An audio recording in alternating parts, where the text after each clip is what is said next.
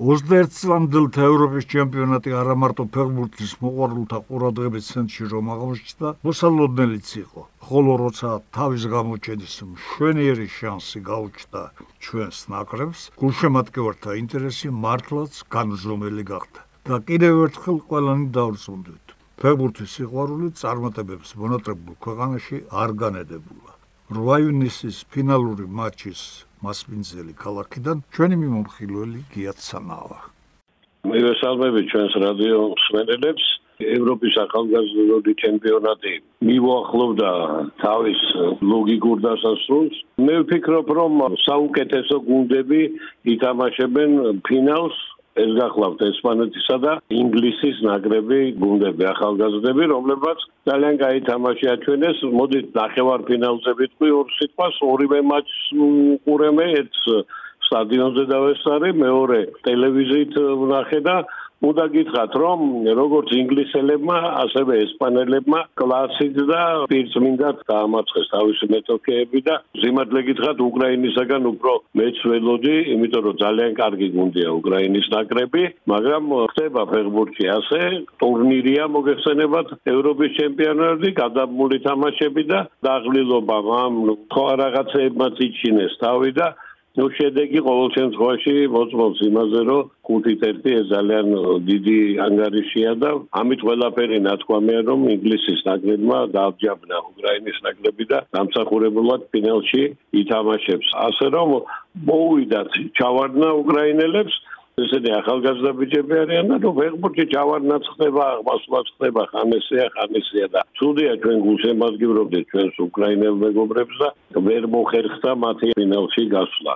კაიმარჯვა როგორც თქვენ ძლიერმა და იგი ფინალში ითამაშებს. რაც შეეხება ინგლისისა და ისრაელის ნაკრების თამაშს აქაც დიდი სახურებელი სიმართლე გითხრათ. არაფერი იყო იმიტომ რომ მინდორზე დომინირებდა ერთი გუნდი და შეიძლება ითქვას რომ მეორე გუნდი იყო თუ არ იყო სიმართლე გითხრათ მე მეც ველოდი ისრაელის ნაკრებიდან მაგრამ არ დაგავიწყდეთ რომ ისრაელის ნაკრებმაც ძალიან ძიმე თამაში ითამაშა ჩვენს წინააღმდეგ და მანაც დიდი ძალები დაკარგა ჩვენთან შეხვედრაში 120 ირბინეს მე პენლები ფსიქოლოგიური დაკ ვთქვა და მე ვფიქრობ ამანაც იქონია გავლენა ანგარიზე და აქაც დიდი ანგარიში სამიწროლე მაგრამ უნდა გითხრათ რომ ინგლისელები საოცრად ლაღარ თამაშობდნენ და მე ვფიქრობ რომ მთელი ძალისხმევა არც კი დასჭირდებიათ ამ მატჩში გამარჯვების მისაღწევად. ყოველ შემთხვევაში ტრიბუნებიდან ასე ჩანდა და მათაც რა თქმა უნდა დამსახურებულად მიაღწიეს ფინალს და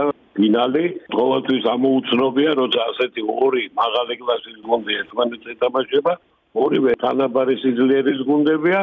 ცოტა მეტი სისწრაფეები ესპანელებთან დავინახე, მაგრამ აქაც ითამაშებს განწყობები, სრელების პოზიციები, როგორ განლაგდებიან რა დავალებებს მისცემენ ფეხბურთელებს, ფეხბურთელები როგორ შეასრულებენ ამ დავალებებს და ну ბევრი ფაქტორია რამაც უნდა გადაწყვეტოს ამ თამაშის ბედი მაგრამ ერთ რამეში აბსოლუტურად არწმუნებული ვარ რომ ბათუმში მოსულ გულშემატკივარს ძალიან ლამაზი სანახაობა და კაი ფეხბურთის ნახვა მოუწევს.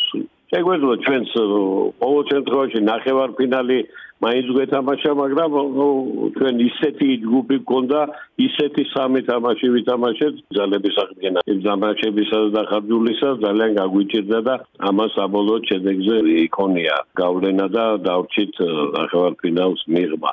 ამიტომ არ აუჩავს ბევრ ამას ვისწავლეთ, ბევრ ამას დავინახავთ, ბიჭები კიდევ დიდ გამოცდილებას მიიღებენ და მე დარწმუნებული ვარ ჩვენები ციტყვიან თავისად კონზე სიტყვას. ამიტომ წარმატება რა თქმა უნდა ჩვენს ბიჭებს და ჩვენს ნაკრებებს, როგორც პირველს, მეორეს, ყველა საკომრივ ნაკრებს და რა თქმა უნდა ქართულ ფეხბურთს დიდი წარმატება. დაველოდოთ ფინალს, აიმარჯოს როგორც ციტყვიან უძლიერესმა, მაგრამ კიდევ ერთხელ გამეორდები და ვიტყვი რომ ჩვენ ძალიან ლამაზი, ალბათ ძალიან ლამაზი ფინალის ხელვა მოგვიწევს და კიდევ დიდი სიხარული იგახლავთ რომ ეს სტარდება საქართველოსში ბათუმში ამოლამაზეს ქალაქში და უსურვებ ყველას დიდ წარმატებას. დიდი მადლობა და კარგად წამდებოდ.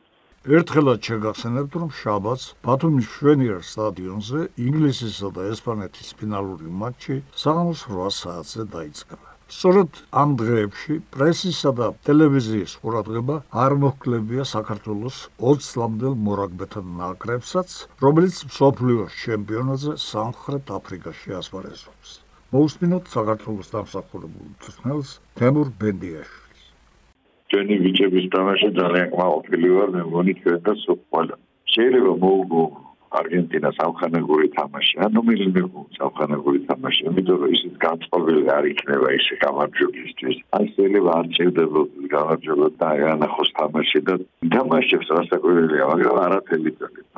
აი ეს თამაშები რომელიც ახლა იყო, რა იყო მოგებაზე და ყველა გამოდიოდა მოგებაზე. ის რო ჩვენ ახლა დავმარცხეთ სამხრეთ აფრიკასთან. რასაკვირველია ახლა გამარჯვება ჭირდა, მაგრამ გამარცხებაც არის და დამარცხება. ძალიან კარგად და ვაშკაცურად ითამაშა ჩვენები შევა. შემდეგი თამაში არგენტინა, იტალია და ნუ რასაკვირველია იმის გამო რომ პედალტე წევრი კალაკი ვერჯერ ვერ ავიღეთ ვერ მოხდი და პირველი მონტექში მაგრამ ძალიან კარგი იყო ყველაფერი. მინდა ვიჩეს მოულოცეს ვაშკაცობა ის შეუპოვრობა რომელიც მაგათმა აჩვენეს. აი ნამდვილი რაინდები პრესოპალა.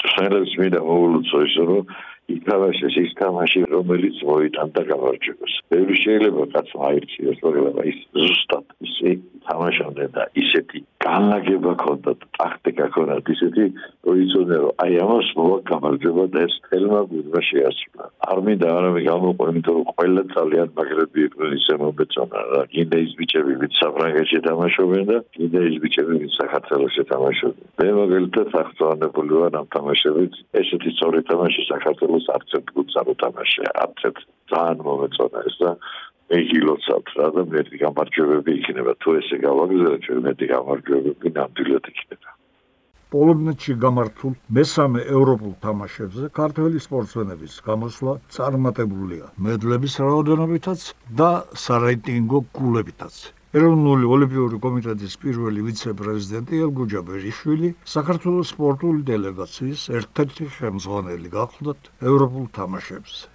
ნივესალმები ჩვენს მსმენელს და გადავალ პირდაპირ საქმეზე.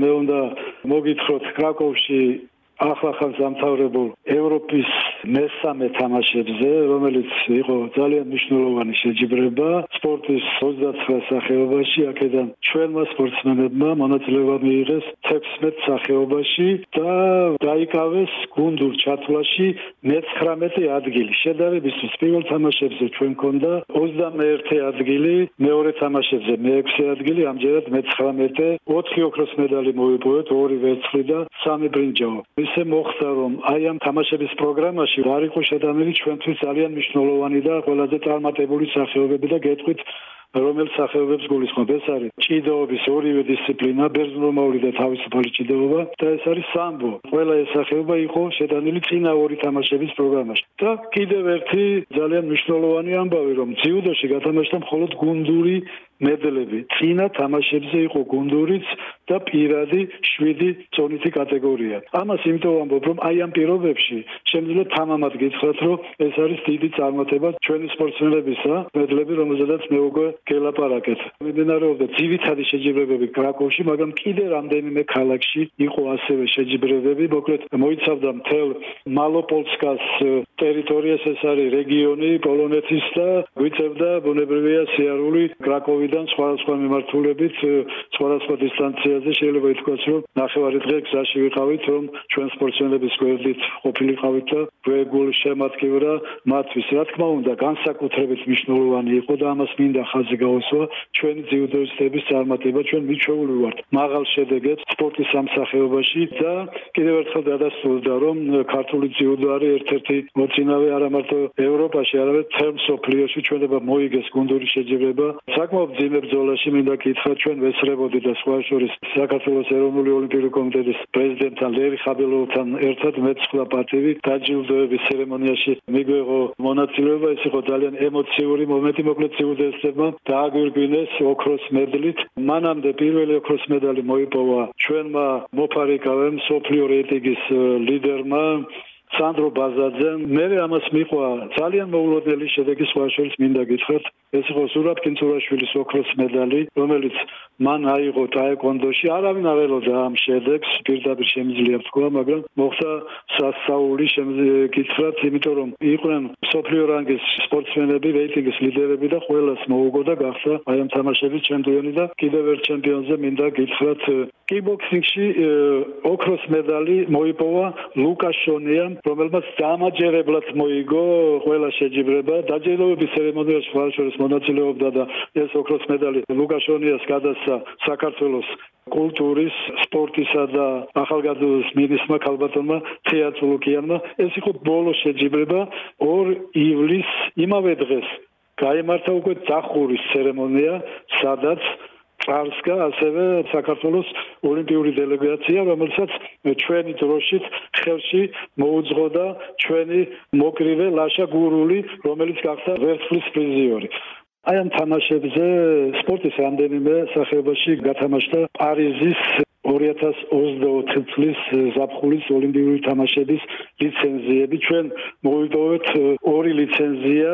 პირველი ლიცენზია აიღო ნინო სალუქვაძემ ჩვენმა ლეგენდარულმა სპორტსმენმა ტყვის მსროლელმა რომელიც თავის მეათე ოლიმპიურ თამაშებზე იასპარეზეს ხას უსვა მეათე ოლიმპიურ თამაშებზე რაც პირველად მოხდება ოლიმპიური თამაშების ისტორიაში. ეს არის უნიკალური შემთხვევა.